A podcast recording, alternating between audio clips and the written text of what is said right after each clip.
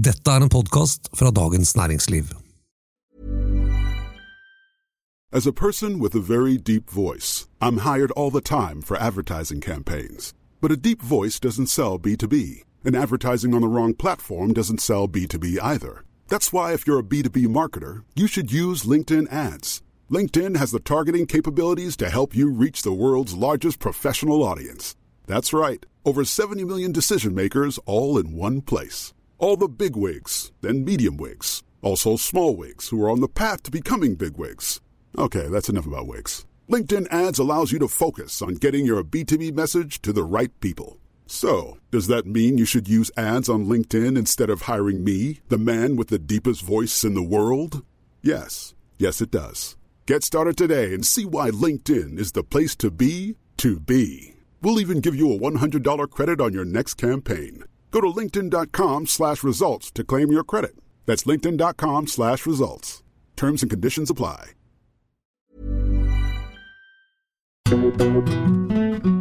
Det kan se ut som Anniken Huitfeldt aldri ble sjekket for lik i lasten da hun ble statsråd. Hvordan kunne det skje? Og gir det egentlig mening å kalle Arbeiderpartiet for fagbevegelsens politiske arm? Dette er den politiske situasjonen. Med kommentator Eva Grinde og meg, politisk redaktør Fridtjof Jacobsen. Nå nølte jeg litt, for jeg måtte huske å si at vi er en podkast fra Dagens Næringsliv. Vi begynner med Anniken Huitfeldt. Eh, DN har denne, når vi spiller inn dette på torsdag, eh, hatt en sak ute eh, hvor det står at kilder sier til oss at Anniken Huitfeldt aldri ble vettet, etter litt sånn anglisisme der, Ja. før hun ble utenriksminister. Eva, eh, litt sånn bare kort vetting, hva, hva er det vi snakker om egentlig? Nei, det er vel egentlig et engelsk eh, ord, og det handler om eh, å eh, sjekke statsråder, eksempel, eller folk som skal inn i politiske eh, maktposisjoner, for deres bakgrunn. Om det kan være ting der som kan liksom komme opp og være uheldig, da, enten for habiliteten eller eh, noe skandalestoff som kan skade deres eh, Eller tilliten til dem som, eh, som maktpersoner. Eh, og så er det vel mer og mer, jeg vet ikke om det ligger i uttrykket at det skal være veldig systematisk med et skjema og osv., men det vet vi jo at det gjøres ofte da med, et, eh, med liksom eh, en, en sjekkliste eh, som er utarbeidet da. I dette tilfellet så skulle jo det være statsministerens kontor. Som tok alle statsrådene inn til en sånn type samtale før de blir utnevnt. Ja, For å sikre seg litt mot uh, uheldige saker. og det ble oppmerksomhet rundt dette uh, i den perioden da, uh, etter valget i 2021, eh, da Jens Stoltenberg skulle Nei, Jonas Gahr Støre, selvfølgelig. Jens Stoltenberg drev også med det, men, men det, da han skulle danne sin regjering, så gikk de vel ut i VG, så vidt jeg husker, og fortalte at Kristine Kalseth, som var da assisterende partisekretær, og nå er stabssjef på statsministerens kontor, jeg, jeg tror det var før de flyttet inn. Altså sånn at det var eh, en politiker som gjorde dette, altså Kalseth, som var eh, del av Arbeiderpartiets partiapparat, som hadde fått ansvaret da for å intervjue eh, eller sjekke alle mulige statsråder for om det var saker som, som kunne dukke opp, og som ikke man visste om, og som kunne bli problematiske. Og, og mye av det kunne jo eksempel handle om seksuell trakassering, metoo-saker, varslinger, ikke sant? Om det lå noen varsler eh, Ja. i Kjømda der, og så, ja. Og så da bindinger, eh, investeringer, andre former bindinger som, som kunne være politisk eh, krevende. Eh, så, så er det min forståelse at når man kommer inn i et departement, så vil jo også embetsverket der også være litt også opptatt av det rent formelle, altså habilitetsvurdering og sånne ting. Men det, jeg, som vettingen gikk litt lenger enn det, hadde jeg inntrykk av at det var sånn Vi må vite alt som pressen kan finne på å lage en sak om. Men da gjaldt det Arbeiderpartiets potensielle statsråder, da, eller eh, i første omgang? Eller, eller var dette den praksisen som de kjørte på SMK etter? Nei, jeg, jeg tror også det var Senterparti-statsrådene. At, eh, at eh, Kalseth Man visste da at hun skulle bli stabssjef på statsministerens kontor. Eh, Men, men det måtte jo nødvendigvis egentlig skje før regjeringen var tiltrådt. fordi eh, når de først har blitt utnevnt, så var det, jo litt sent. Det er et godt poeng. Eh, og dette er jo det, det har jo en har jo en sånn historisk begrunnelse. Noen husker kanskje denne saken med Terje Rød Larsen. Som ble utnevnt som en slags visestatsminister og, og moderniseringsminister, eller et eller annet sånt i, i, i Torbjørn Jaglands regjering, og så vise at han har vært involvert i noen investeringer uten noe som het Fideco, en sånn fiskeaktig ting. Eh, et eller annet som ikke tålte helt dagens lys, og så måtte han gå av etter veldig kort tid. Det var liksom Med en gang han tiltrådte, så begynte pressen å grave i det. Og... Han var vel en av de første som forlot Det norske hus. Ja, ikke sant? Ja. Og så, Han sa jo noe i den pressekonferansen til slutt, så sa han det siste han sa, var liksom 'dette har jeg ikke fortjent'. ikke sant? Ja. Eh, men det, så det er vi er jo helt tilbake på 90-tallet. Eh, og siden det så har det jo vært en sånn eh, en grei sånn forholdsregel å si at hva, hva er det som kan komme opp her? Eh, og det betyr vel ikke at du liksom så vidt jeg forstår en sånn vetting, at det kan komme frem ting som man kanskje ikke vet om, og som kan være vanskelig. Det betyr ikke nødvendigvis at du ikke kan bli statsråd, men det betyr at det også man har tid til å forberede seg på hvordan man skal svare på det, f.eks.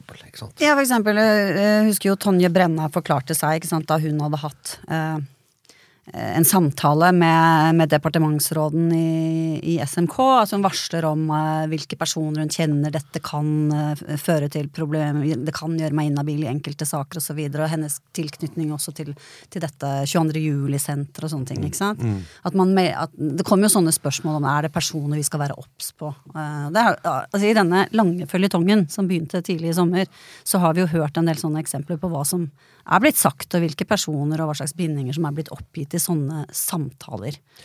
Ja, og så hadde vi jo den saken med, med tidligere forsvarsminister Odd Roger Enoksen fra Senterpartiet, eh, hvor det kom frem at han hadde hatt en, eh, si, en erotisk forbindelse til en ung kvinne, eh, som det ble varslet om og avslørt, som var vel egentlig litt sånn utenfor det som i hvert fall var politisk akseptabelt, og han måtte gå av. Dette kom det fram hadde ikke kommet frem i denne vettingprosessen.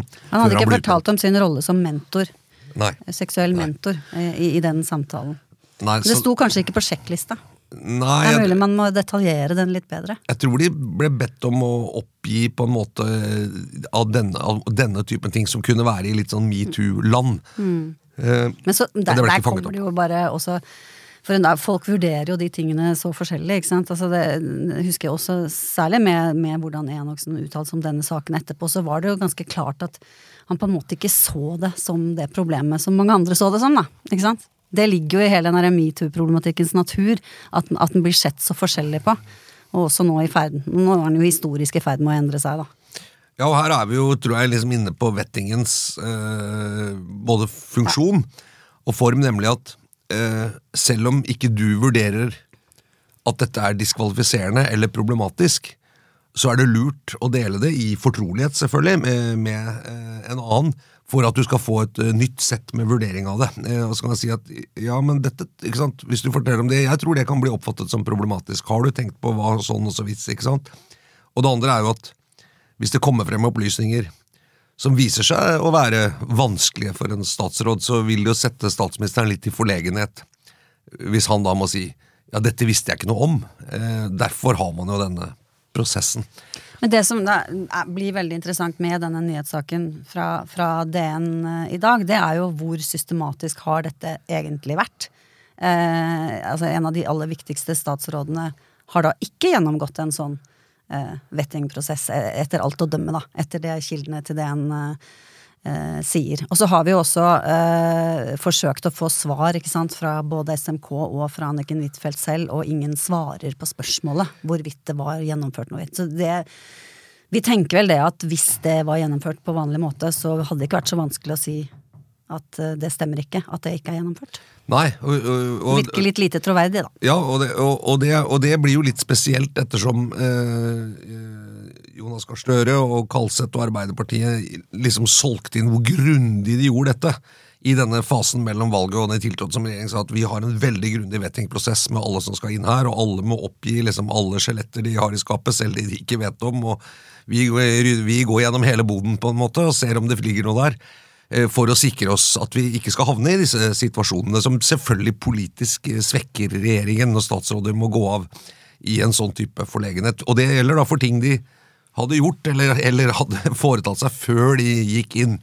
Eh, noen av disse sakene er jo ting som har skjedd etter at de har gått inn. Og, og, og, da er det jo selvfølgelig litt sånn man kan spørre seg når vi i ettertid har fått vite at mannen til Anniken Huitfeldt hadde aksjer og investeringer før hun ble statsråd. Hun tok aldri rede på eh, hvilke aksjer det var snakk om, uh, og uh, sørget vel heller ikke for å lage, liksom, be han om å slutte med det, eller den type ting. Så har jo spørsmålet vært ble ikke dette tatt opp i en sånn vettingssamtale? Er ikke det et naturlig spørsmål si hvilke investeringer er hos deg eller liksom de nærmeste? som kan bli problematiske. Ja. Ikke kanskje nødvendigvis habilitetsmessig, men politisk også problematiske. Så øh, og det viser seg da at hvis hun ikke har hatt denne samtale, liksom vettingen, sånn som de andre har, så kan det jo være der det glapp, rett og slett. ikke sant? Ja, Der var det i hvert fall ingen på det tidspunktet som kom inn og vurderte hvorvidt dette var problematisk eller ikke. Eh, altså Egentlig litt i kontrast til hele saken med, med Erna Solberg og Sindre Finnes, ikke sant? Hvor det, hvor det har, jo har kommet fram at statsministerens kontor mente at dette kunne få eh, bli problematisk for statsministeren. Eh, og så har du en lang historie etter det, selvfølgelig, med, med hvordan de kommuniserte. Men, det, men, men, spørsmålet er jo da hvorfor, la oss si liksom Kan det være en sånn uh, vurdering, da? At uh, Nei, altså Anniken Huitfeldt, hun er en så erfaren politiker. Henne kjenner vi så godt her i partiet. Hun har vært statsråd før. altså Det går ikke an å Det er liksom omtrent det samme som å si eh, Hva, skal du sette opp eh, ekteskapsavtale på meg, stoler du ikke på meg, liksom? Altså At det er sånn, nesten litt sånn fornærmende å begynne å, å set, utsette henne for, for, spørsmål. Ligger det en sånn type mekanisme bak, ikke sant? Eh, det er jo Ja, ja det er jo lett du? å ja. tenke det, at liksom noen var så høyt på strå at de sa at jeg vil ikke sitte her og legge ut om alle ting i mitt liv og bli spurt og mistenkeliggjort. Jeg får bare stole på at jeg er hel ved. Kom igjen, jeg har vært med her en stund. Vi husker også rundt Hadia Tajik og pendler, hennes pendlersak.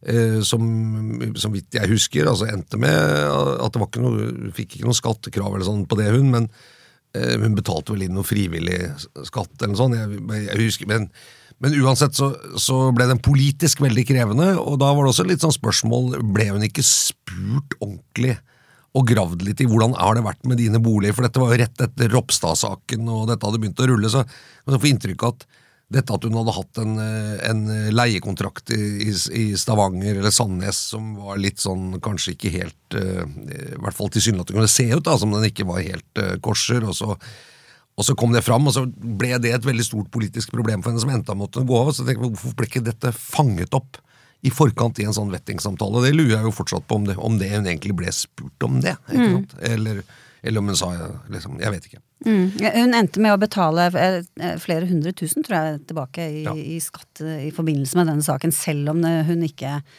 selv om det ikke var et resultat av at hun hadde gjort feil. Altså Den uoppklarte saken handler vel, i hennes tilfelle, handler vel om denne kontrakten fra, fra, da hun var 24 år og var politisk rådgiver. Det, det, er liksom den som henger litt i luften der mest. Ja, det var, det var jo dette Hvis du har et reelt bosted et annet sted, hvor du faktisk bor, ja. så hadde du rett på pendlerbolig, men hvis ikke så kunne du ikke ha det. Og så var det jo det med Ropstad at han på en måte hadde liksom, Han ble jo felt at han hadde på en måte gitt inntrykk av at han hadde det ved å leie hos foreldrene sine osv. Mm. Og, det, og, og, det, og da vi ikke, snakker vi ikke om jussen, jeg tror vi snakker om det politiske. Og det, og det er jo det, denne vettingen skal jo ta høyde for det som kan også bli ikke nødvendigvis, men som kan bli politisk krevende.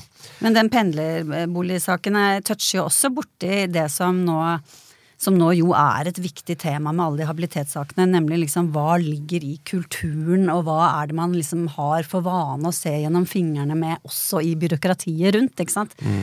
Eh, og, og, der tenker jeg at denne saken med Anniken Huitfeldt da kommer til å bli et, nok et uh, viktig punkt uh, når, når, når, man skal inn og se hva slags rutiner har regjeringen hatt for å behandle habilitetsspørsmål. For hvis man liksom glipper på en sentral statsråd på noe som man mener er helt avgjørende å gjøre med alle, så er jo ikke det et godt tegn på at dette er et bra, eh, solid system. Nei, jeg, jeg, jeg, tror jeg, tror det er viktig å holde fast med at akkurat denne vettingen som vi snakker om, den er jo da ikke i regjeringsapparatet, det er jo i partiet. Eh, ja. Så den ligger jo på utsiden av embetsverket og sånne ting. Det er jo noe man gjør som er en, på en måte en eh, Altså, ja, det, det skjer før man kommer inn der. Eh, Huitfeldt fikk jo også råd fra embetsverket i Utenriksdepartementet om at eh, det ville være vanskelig at eh, ektemannen drev med aksjeinvesteringer osv. Jeg har jo sett det heller i fond, er liksom, er liksom rådet, men, men dette er, noe, dette er Ja, ja. liksom noe litt annet. Samtidig så var det jo et, et kommende regjeringsparti som sjekket sine kommende statsråder, så dette er jo på en måte Ja. Det henger jo veldig tett sammen. Det, og, absolutt, det var- og det var jo i denne hva skal man si, transition, eller liksom, Mm. som man kaller det, sånn, hvor man er på vei inn. Eh, og så er jo da det spørsmålet, ikke sant, er jo hvis, hvis, man, hvis man hadde gjort en grundig vetting, og, og sett at oi, eh, eh, din mann eier aksjer i litt forskjellige selskaper, eh, det tror vi ikke er så lurt. Det må du i hvert fall være veldig forsiktig med. Det er Kanskje det er lurt å fryse disse aksjene. ikke sant? Jonas Gahr Støre har jo selv fått veldig kom jo politiske problemer med sine egne private investeringer før valget i 2017. Eh, ikke fordi det var ulovlig, men, for, men fordi det politisk var krevende. Han var med i noen eiendomsprosjekter og i et hedgefond og sånn, som vi kanskje husker. Og det, og, det, og det ville jo vært en sånn ting som var ganske enkelt å fange opp, tror jeg, i en vettingsamtale. Eh, og si at eh, vi må jo vite hva har du aksjer, har ektemannen din aksjer, hvordan er det, har du andre forbindelser? Og hvis hun ikke ble spurt om det, så kan man jo tenke at hvis de hadde spurt om det den gangen da, i september 2021, eller begynnelsen av oktober 2021, eh, så hadde hun kanskje vært mer aktsom, og kanskje da blitt sittende som utenriksminister, i hvert fall med den begrunnelsen vi fikk, at denne saken var med å felle henne. Eh, Og da settes jo denne vettingprosessen som skulle være så god, og som de skrøt av i, i VG den gangen, den ser jo litt merkelig ut. Så det heter ikke vetting når, når man snakker om disse bakgrunnssjekksamtalene i departementet, altså, med, i, ved statsministerens kontor. Nei, jeg Det er jo tror det samme, samme prinsippet i og for seg. Jo, bortsett fra at da er de jo utnevnt. Ikke sant? Ja, ja. Så det, det er litt Jo, den men det er, ja. for å, det er jo for å Ja, før man blir utnevnt, og, og så er det for å på en måte være være obs eh, etter at de er utnevnt. Ja, Ja. Det blir jo en forskjell. Jeg, jeg tror det det liksom embetsverket er litt sånn sier at når du sitter her, så må du passe på når du er statsråd, sånn og sånn og sånn og sånn. Men hvilke liksom eh, politiske belastninger du bærer med deg inn på forhånd, det har jo ikke liksom det, det du har gjort når du ikke var sånn, det er jo ikke helt embetsverkets ansvar. Og det er jo nettopp det denne vettingprosessen på forhånd skulle avdekke. Om de i det hele tatt avdekke. eh, kan være kandidater. Mm.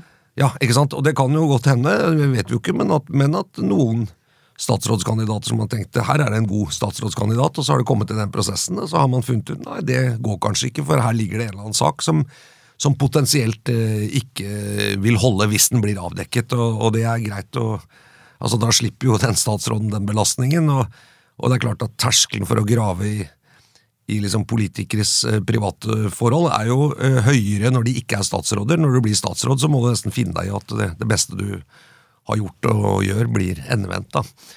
Eh, selvfølgelig.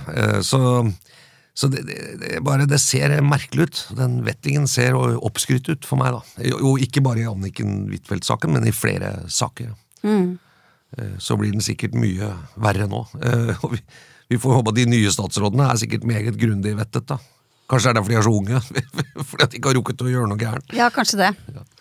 Det er jo en fordel med Men det, det ser jo ikke sånn veldig proft ut, kanskje, fra, fra liksom den politiske ledelsen og stabssjefen på statsministerens kontor, hvis man kunne oppdaget dette på forhånd. Hva syns du? Nei, det er jo nettopp det det ikke gjør, og det blir jo selvfølgelig veldig eh, tydelig i og med at hun har den saken på seg, og, og alt dette kom fram, og hun til og med til slutt måtte gå av som utenriksminister, så, så er det kanskje bare noen som bør spørre seg selv om eh, de kunne gjort ting litt annerledes. Ja. Tror du at man er litt lei? Altså sånn opinionsmessig? Habilitetssak eh, At folk er litt sånn Ja, det tror jeg. og grunnen til at jeg tror det, er fordi at det er, eh, det er, det er jo ganske teoretisk, på en måte. Mye av det. Det handler om eh, Man skal ikke skulle komme til å tro at du kanskje gjør noe galt. Det er ikke 'du har gjort noe galt'. Ikke sant? Altså, Det er ikke sånn 'jeg stjeler solbriller i en butikk'. eh, og, har, det blir lagt ut på film på Nei. sosiale medier. Det er veldig lett å ta stilling til. Dette her blir mer dette handler jo om liksom rammeverket rundt, som skal sikre at det ikke kan skje. Uh, uten at vi vet at det egentlig har skjedd noe annet enn surr og rot, og at man ikke tar disse tingene alvorlig nok. Eh, men jeg tror jo jeg tror jo det er et viktig et viktig utfall av hele den kontroll- og konstitusjonskomitéprosessen nå blir en innstramming av, av reglene. At liksom ikke Altså Det man har vilt seg på, er jo at, som er riktig, det er jo at det er statsrådens eget ansvar å passe på at du er habil. Eh, samtidig så har man jo da både vetting i partiene og samtaler i departementet, og det er liksom en viss inngripen fra systemet rundt, og så er spørsmålet hvor langt skal de gå? Det virker som de bare stiller noen spørsmål, så hands free, på en måte. Men at det kanskje fins noen sånne punkter til, sjekkpunkter til, hvor man kan unngå noen av de sakene vi har sett nå, da. Ja. Eh, ja, jeg lurer litt, for at jeg ser jo hvis Erna Solbergs eh, strategi her er å på en måte vente ut saken, og så bare sier jeg bare jeg, sant, jeg, jeg sitter stille, ja. mm. og så til slutt så, så, blir det på en måte Så skjer det et eller annet i at det når folka var opprørt, og, og, ikke sant? Og at, og, at, det går over til at nei, nå er det, nå er det mas. ikke sant? Nå maser man eh, på Erna Solberg. Nå, nå, tværer man på liksom, Man koker suppe på den samme spikeren om igjen og om igjen. Vi vet dette nå. Mm. Derfor er det litt viktig at vi får den, vi får jo den her nå, nå er det 7. november, det blir jo litt over halvannen uke til eller noe. Da skal den jo opp. Eh, da skal hun jo forklare seg i kontroll- og konstitusjonskomiteen på Stortinget. Da får vi i hvert fall én ett sluttpunkt der, da. Så har du stadig Økokrim som ikke har bestemt seg. I, nei, i Sindre og Erna-saken. Det er også mm. riktig. Også riktig, og det kan selvfølgelig bety noe. Men nei, jeg tror, ja, men jeg tror det, er, det er jo ikke noe sånn Hvis du er kald nok og orker å stå i det, eh, så, så, tror jeg det faktisk går an å vente ut en sånn ting. Og så er det en annen refleksjon jeg gjorde som, som jeg så, og det var også vi skrev om også en annen som heter Therese Steen, som er ekspedisjonssjef på statsministerens kontor, som viste seg hadde en del ganske betydelige investeringer i sånn unoterte selskaper. Eh, blant annet et selskap som drev med sånn kreftforskning, kreftteknologi. Eh, eh, og, hvor hun liksom fikk være med noen av Norges råeste sånne plukkere av unoterte selskaper og, i deres fond og si nå går vi inn og investerer her, du kan være med på det. ikke sant? Eh, og hun var da ansvarlig for den administrative og, og, og avdelingen i SMK, blant annet de som da skal uh, fortelle statsrådene hvordan det ligger an med habilitet osv. Så viser at hun også eier aksjer, unoterte aksjer, uh, ute ja, ja. på siden. Det ser jo veldig rart ut. I det hele tatt hele spørsmålet om toppbyråkraters altså For dem er det nemlig helt greit. Det er ingen regler for at de ikke skal være investert i aksjer. Nei. enkeltaksjer og alt mulig. Og liksom, tenk på hele statsapparatet, hva de kommer borti av informasjon. Eh? Det er jo ikke bare politikerne som sitter i sånn enerom og i vakuum og, og, vet ting. De har jo absolutt et, et apparat rundt seg og under seg ja. som kan en hel masse. Men det Eh, det er selvfølgelig helt ulovlig for dem som for alle andre å handle på innsideinformasjon, men, eh, men, det er jo en grunn til at man av og til har strenge regler, da, som man jo har i en del privat næringsliv osv. Og, så og det er fordi at man regner med at her kan fristelsen bli for stor. Det går jo an å diskutere om ikke man burde se på det på toppbyråkrater også. Ja, og så tror jeg det, det, som også ser litt vanskelig ut, det, og det er kanskje litt mer sånn menneskelig, er at jeg tror hvis man ser på habilitetsreglene og denne formuleringen om at det ikke skal være egnet til å svekke tilliten. Skal ikke fremstå på en måte som gjør at man kan svekke tilliten til forvaltningen eller, eller liksom de politiske ledelsene Det er jo et ganske strengt krav, for det betyr jo ikke at man gjør noe gærent. Men det, det er sånn, det er nettopp ikke, ikke, sant? sant? Det er den teoretiske... Og, og de fleste tror jeg sier ja, det, selvfølgelig skal det være sånn. Mm. Altså, det, det skjønner vi. Det er bare så veldig vanskelig når det kommer til deg selv. Hæ, er dette egnet Det vil jeg ikke tenke på. Det, nei, jeg har jo min stil. Altså, skjønner du, Jeg gjør jo ikke noe gærent. Jeg håndterer jo dette helt eh, Jeg blander selvfølgelig ikke noe kort eller noen ting, og da er det vanskeligere ikke sant, å, å si sånn Så jeg skjønner ikke at dette skulle være egnet til å svekke noe tillit, for jeg kan jo liksom stå for det jeg gjør. Men det er jo der det ofte kan glippe, for når folk glipper på habilitet gang etter gang, så virker det som de ikke klarer helt å og liksom se seg selv ja. utenfra. Se hvordan ser dette ut utenfra, Nettopp fordi de har, føler at de har helt ren samvittighet. Da. Jeg tror det er mye vanskeligere enn man tror. Det er helt sånn forundrings... Eh, det er veldig merkelig hvordan folk f.eks. tror at de ikke blir påvirket av gaver. Mm. Eh, sier nei, nei, nei, det spiller ingen rolle. Eh, og det er det, det er det ganske mye forskning på som viser at det blir vi. Eh, og det skal ikke mye til engang. Nei. Eh, det handler om liksom den følelsen av at du skal gi noe tilbake, eller, eh, eller, at du får en veldig velvillig innstilling til noen som har gitt deg noe bra, eller der, Vi er eh, Der er vi, rett og slett. Ja. Alle som nå om noen måneder skal bytte vindflasker med noen til jul, som man gjør fordi man har gjort det i alle år, de kjenner til den. ikke sant? Nei, Det der, det der syns jeg er interessant, for av og til så kan man jo bli sånn Hvordan klarer de å, gå, å havne i dette klisteret gang etter gang? Dette er jo veldig enkelt sett utenfra, men det er nok ikke så enkelt uh, sett Nei. innenfra. da. Uh, og det, jeg synes Den Therese Steen-saken som jeg hadde skrevet om, eh, hun som da var ansatt på, eller høyt, eh, en ekspedisjonssjef, altså på statsministerens kontor, det syns jeg var ganske oppsiktsvekkende. Ja, hun er det, ja. Så det syns jeg var ganske oppsiktsvekkende. Mm. Uh, Det er sikkert ikke den eneste. Så nå, det blir nok å gjøre hvis man skal liksom virkelig ta og rense opp i stats, statsapparatet. Ja, og, og for å liksom komme til en slags bue, da, som Ja, det heter i ja. dramaturgien, så er det jo nettopp derfor uh, man har vettingprosesser kanskje på forhånd. Og gjerne da på forhånd. Det er mye enklere hvis man vet dette på forhånd, Mm. enn, en at det blir avslørt etter at de kommer inn eh, som statsråder. Eh, og, det, og jeg tror det er, er sånn Det hender vel at de ryker i den eh, samtalen på departementet òg, ikke sant? Ja, ja nei, departementet departement ikke- kan jo ikke liksom avsette noen statsråder. Nei da, men at man finner ut at eh, dette går kanskje ikke helt greit. Jeg vet ikke om jeg har noen eksempler på det, men eh, Nei, det er jeg litt usikker på, altså. Mm. Eh, eh, rett og slett fordi hva som har skjedd på forhånd, er liksom ikke så, så Det kan ikke de bry seg med. Det er jo mer hva du gjør i gjerningen. Men, men, men jeg tror det er sånn politisk vil det være veldig lurt. Og det gjør jo også at, at da kan jo en statsminister, for eksempel, i, i, si at Ok, ja, mulig dette kan se problematisk ut, men det kan vi stå for. Det kan vi forklare. Og det, hvis vi, det kommer opp, så vet jeg akkurat hva vi skal svare på. Si, dette vi visste vi om på forhånd, det er vurdert, vi, vi syns ikke det er diskvalifiserende. Ferdig. Ikke sant? Det er mye lettere å svare på. Det er det ukjente. Det er avsløringen. Det du ikke vet, når det kommer opp. Eh, og, hæ, hvorfor har du ikke fortalt meg det? Eh, åpenbart, eh, det der trengte jeg å vite, ikke sant? Eh, for, ikke minst for å kunne forsvare deg, eh, hvis det kommer opp. Det, det er jo en av greiene med dette, og da, da er det jo merkelig. Det, hvis, hvis, hvis nå en del av problemet til denne regjeringen med så mange statsråder måtte gå av, skyldes at de ikke har gjort en ordentlig vetting, som de har skrytt av og sa de skulle gjøre, at de liksom har hatt en falsk selvtillit på at de har vært så grundige, så, så ser det merkelig ut. Jeg lurer på, lurer på liksom Kristine Kalseth øh, ja, om, øh, om eksempel Støre var kjent med det. eh, Og hva, som, hva slags vetting det hadde vært med Anniken Huitfeldt. Det er jo litt interessant, da. Vi skal bli litt ved Støre. ja, det skal vi. Han har vært eh, ikke på tur, men har vært på besøk denne uka. Det har han. Der har han vært.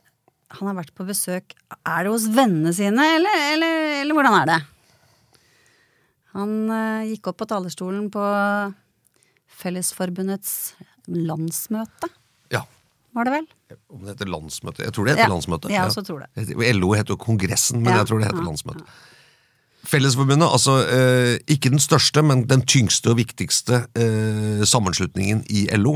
Ja. Industrien. Ja, Det er liksom den gode, gamle industrien. Ja. Det er der det begynte. Det er industriarbeiderne. eh, ja. De som setter eh, lønna til oss alle. Jørn Eggum, eh, leder. Eh, ganske sant, mannstungt, mannsdominert. Mange ansatte i privat sektor her.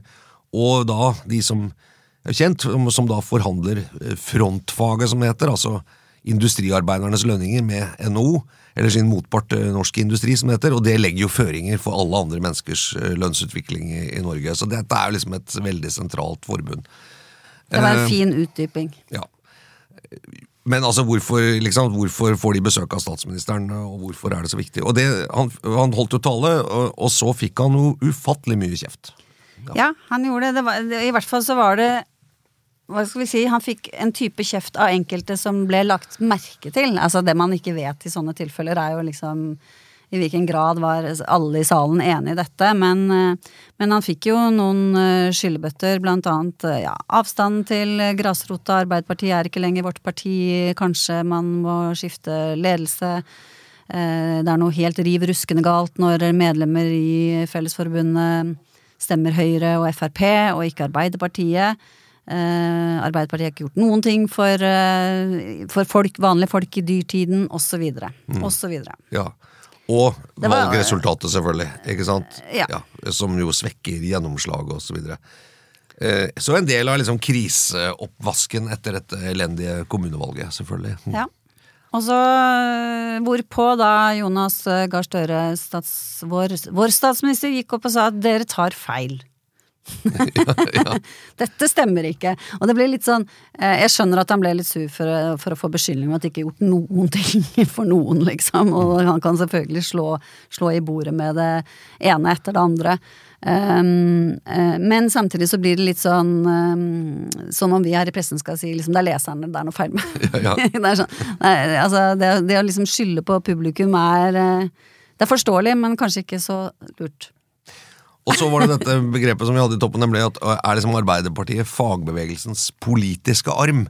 Ja, for det var det en som sa. Ja, og det, det sier jo sant, noe om størrelsesforholdet. Er, er liksom, og, og, øh, alle som har hørt på Martin Kolberg øh, i, i liksom mer enn to minutter, eh, vet jo at Arbeiderpartiet springer jo ut fra at arbeidere begynte å organisere seg eh, i en type fagforening, sammenslutning som er blitt til LO, og så ble det også et politisk parti som eh, gikk fra å være revolusjonært og, kommunistisk til å, til å bli et sosialdemokratisk og gi seg inn i, det, og, og, og, man har Gerhardsen og, og flertall på Stortinget, rent flertall osv. Så, så, Men, så først var fagbevegelsen. Ja.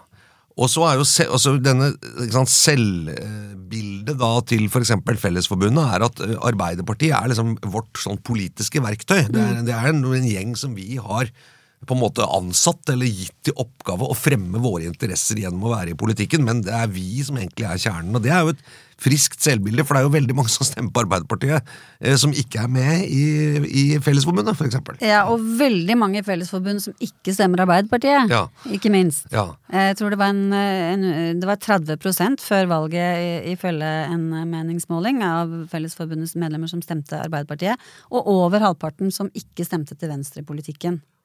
Så det er jo, ikke sant, det må jo være en krise. Men jeg bare tilbake til det der bildet. Jeg, jeg får sånn derre puppet, eh, sånn derre dukke, hånddukkebilde i hodet av det.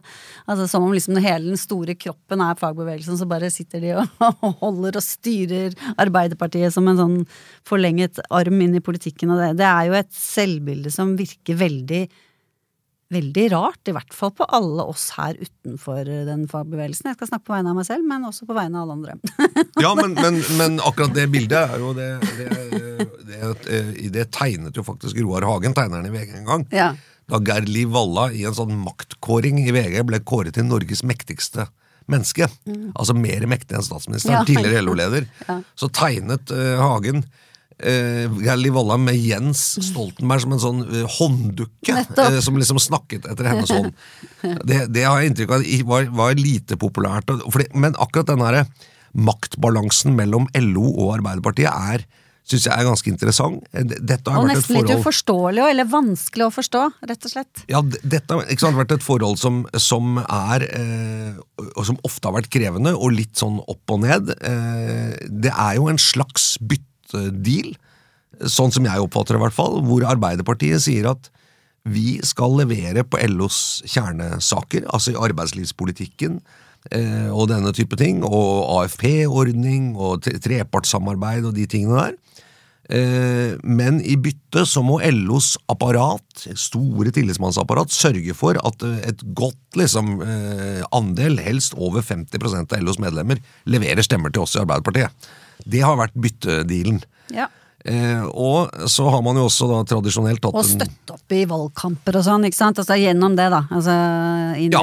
være, være, en som, som står på for Arbeiderpartiet. Og så har du det faktum at over halv, altså i, fell, i, Fellesforbundet, da, i hvert fall det vi vet, jeg har ikke full oversikt over hele LO, men stemme gir da sin av medlemmene, altså grasrota, mm. Mm. gir da sin stemme til enten Frp eller Høyre. Da ser ikke folk i det forbundet egentlig poenget med den alliansen?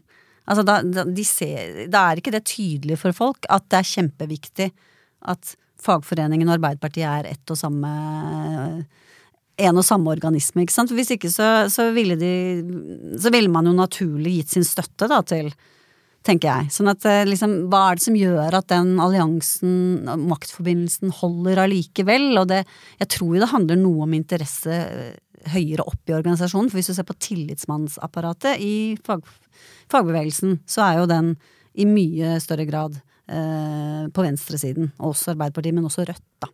Ja, de har vært veldig aktive for å komme seg i posisjoner der. Ja. og frem. Ja, og det, har jo også, også vært sant, preget av at eh, LO har jo vært en ganske ansvarlig eh, og vil si konstruktiv fagbevegelse. Hvis man sammenligner med Frankrike, for eksempel, eh, hvor det jo er veldig mye demonstrasjoner, og de er i en slags krig ikke sant, med, med regjeringen, også sosialdemokratiske presidenter og, og, og regjeringer, eh, så har jo LO vært en ganske ansvarlig fagbevegelse. Eh, og, og, og det har vært litt sånn, dere skal få innflytelse, eh, men i bytte så skal vi ikke ha liksom, eh, sånn råkjør og, og kritikk mot regjeringen sånn hele tiden. Og LO har jo da også sentralt vært med på f.eks. pensjonsreformen, ikke sant? som jo eh, var på uravstemning og fikk jeg tror det var 25-26% som stemte mot, men med LOs innsats og hjelp, og særlig da fra ledelsen, så ble den lost gjennom som Jens Stoltenbergs pensjonsreform, som jo er en?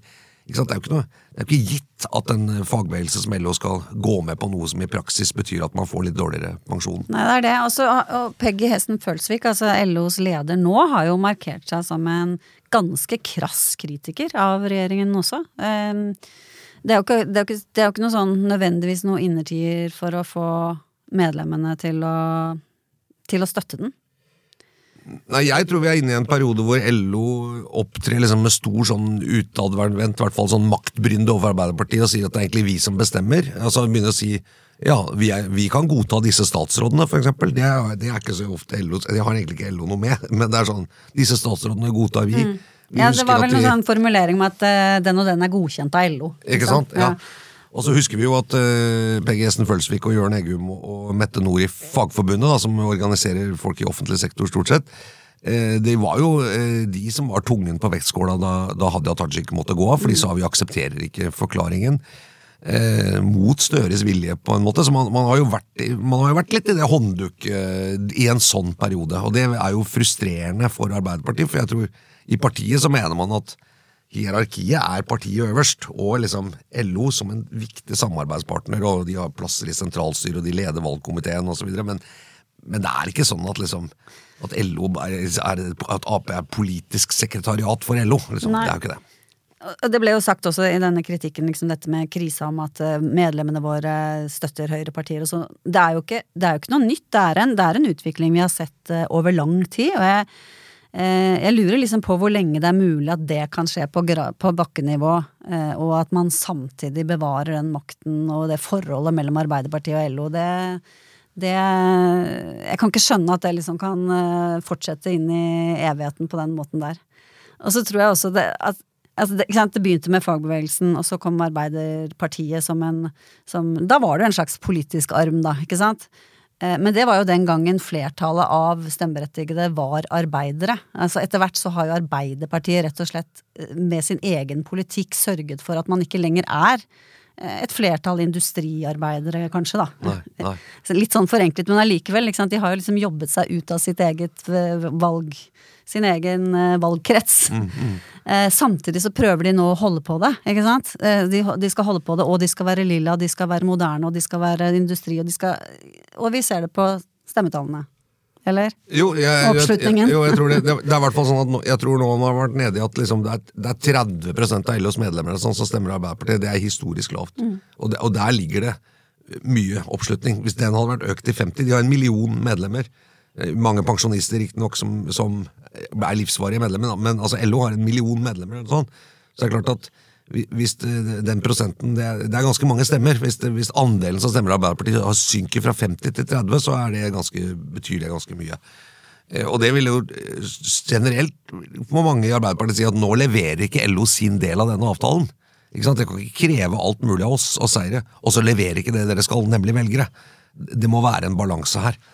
Det, det, det vet jeg frustrerer mange. Og så er det jo det andre som skjedde også på dette fellesforbundet, var jo at man har jo forsøkt å lage en ny AFP-ordning. Eh, fordi den gamle blir for dyr og også slår ut urettferdig. Det, ikke sant? De som får den, har det veldig godt, men det er mange som burde hatt den, som ikke får den. Og regjeringen har sagt at dette kan vi være med på, komme med penger for å lage en ny ordning. Det, Sånn at den når flere, ikke sant? At det ikke slår Ja. sånn urettferdig ut. og det ble stemt ned av Ja. Fellesforbundet. Og det var et voldsomt nederlag selvfølgelig for Fellesforbundets ledelse. Jeg så Jørn Eggum var ute og sa etterpå at delegater hadde blitt skremt liksom, i, i korridorene og på nachspiel sånn, fra å tørre å stemme mot det de egentlig ville. Og, det ser litt skummelt ut, noen av de, da. Ja, det hørtes litt ut som en unnskyldning for meg at han ikke hadde kontroll på, på gruppa, liksom. Men, men, eh, Men han prøvde jo også å si å ikke gjøre så mye ut av den konflikten, da. Altså, i- Ja. Ettertid si at eh, Vi får se, altså, dette er greit, da. ja. marsjordren er klar og sånn. Men, men, men, det var, men det var klart et nederlag, og det var også et, liksom et brudd med noe tror, som var en forventning at her skulle man stå sammen og få til dette. Eh, så, så litt spesielt det der. Eh, Ja, det jeg ikke skjønte heller Jeg skjønte, jeg har ikke helt fått klarhet i hva den, det store motivet for å gå imot heller var. For annet enn at eh, vi vet hva vi har, men ikke hva vi får. Så jeg syns liksom ja, Bare sånn generelt konservativ holdning. ja, jeg, jeg, jeg tror mange av Fellesforbundets medlemmer kommer ganske godt ut av dagens ordning. Det, altså, og det betyr at hvis de da frykter at det som i dag er veldig gode ordninger for dem, blir litt dårligere fordi flere skal være med, så kan man jo si at det liksom er en At det kan være en motivasjon for å gjøre det, men motivasjonen kan også bare vært å påføre noen et nederlag. Og det gjelder jo også i dette her med EØS, EU-tilpasning, ACER og sånne ting, og som også kan være veldig kronglete for regjeringen hvis fagbevegelsen blir, liksom, blir veldig ut på nei-sida. Man har jo hatt en latent frykt for at LO på et eller annet tidspunkt skal finne på å si at Norge skal ut av EØS, eller at vi skal i hvert fall stemme ned noen direktiver som gjør at vi i praksis får et veldig krevende forhold til Europa. Det vil jo være også veldig krevende for denne regjeringen. Men eh, LO generelt er vel ganske klar på at vi er tjent med å være i EØS so far. I hvert fall for industrien, Og, eh, ja. ledelsen, og industrien. Ja. Mm. men- likevel, ikke sant? det er ganske mange sterke nei-krefter der, og det er en krevende organisasjon. og det, Da må jo ledelsen ha god kontroll. Men jeg, jeg, Og hvis Rødt eh, klatrer seg oppover, så vet man kanskje aldri. Nei, ikke sant? Men det er, jeg tror i hvert fall det er et surt forhold eh, mellom LO og Arbeiderpartiet for tiden, og, og, og man er litt i det håndduklandet, og det er ikke noe godt sted å være for en, for en Arbeiderpartileder, og det skal ikke en Arbeiderpartileder være. Det, det, det skal, den maktbalansen skal ikke være. Det har i hvert fall ikke vært Arbeiderpartiets selvforståelse fram til nå. Så vi får se hvordan den eh, går videre. Det får vi. Vi er kanskje ved veis ende i dag. Vi er ved veis ende i dag. Eh, Du har hørt Den politiske situasjonen, en podkast fra Dagens Næringsliv. Med kommentator Eva Grinde og meg, politisk redaktør Fridtjof Jacobsen. Produsent er Gunnar Bløndal, og vi er her eh, hver uke stort sett. Ja, Nå er vi i hvert fall tilbake. Ja, vi er her hver uke. Ja, ambisjonen er hver uke. Det var klare ambisjon. Ok. Vi høres igjen. Ha det. Ha det.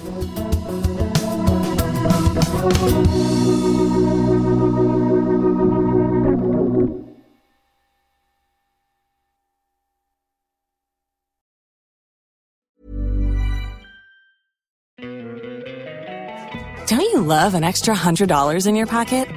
Have a TurboTax expert file your taxes for you by March 31st to get $100 back instantly. Because no matter what moves you made last year, TurboTax makes them count. That means getting $100 back and 100% accurate taxes only from Intuit TurboTax. Must file by 331. Credit only applicable to federal filing fees with TurboTax full service. Offer can be modified or terminated at any time.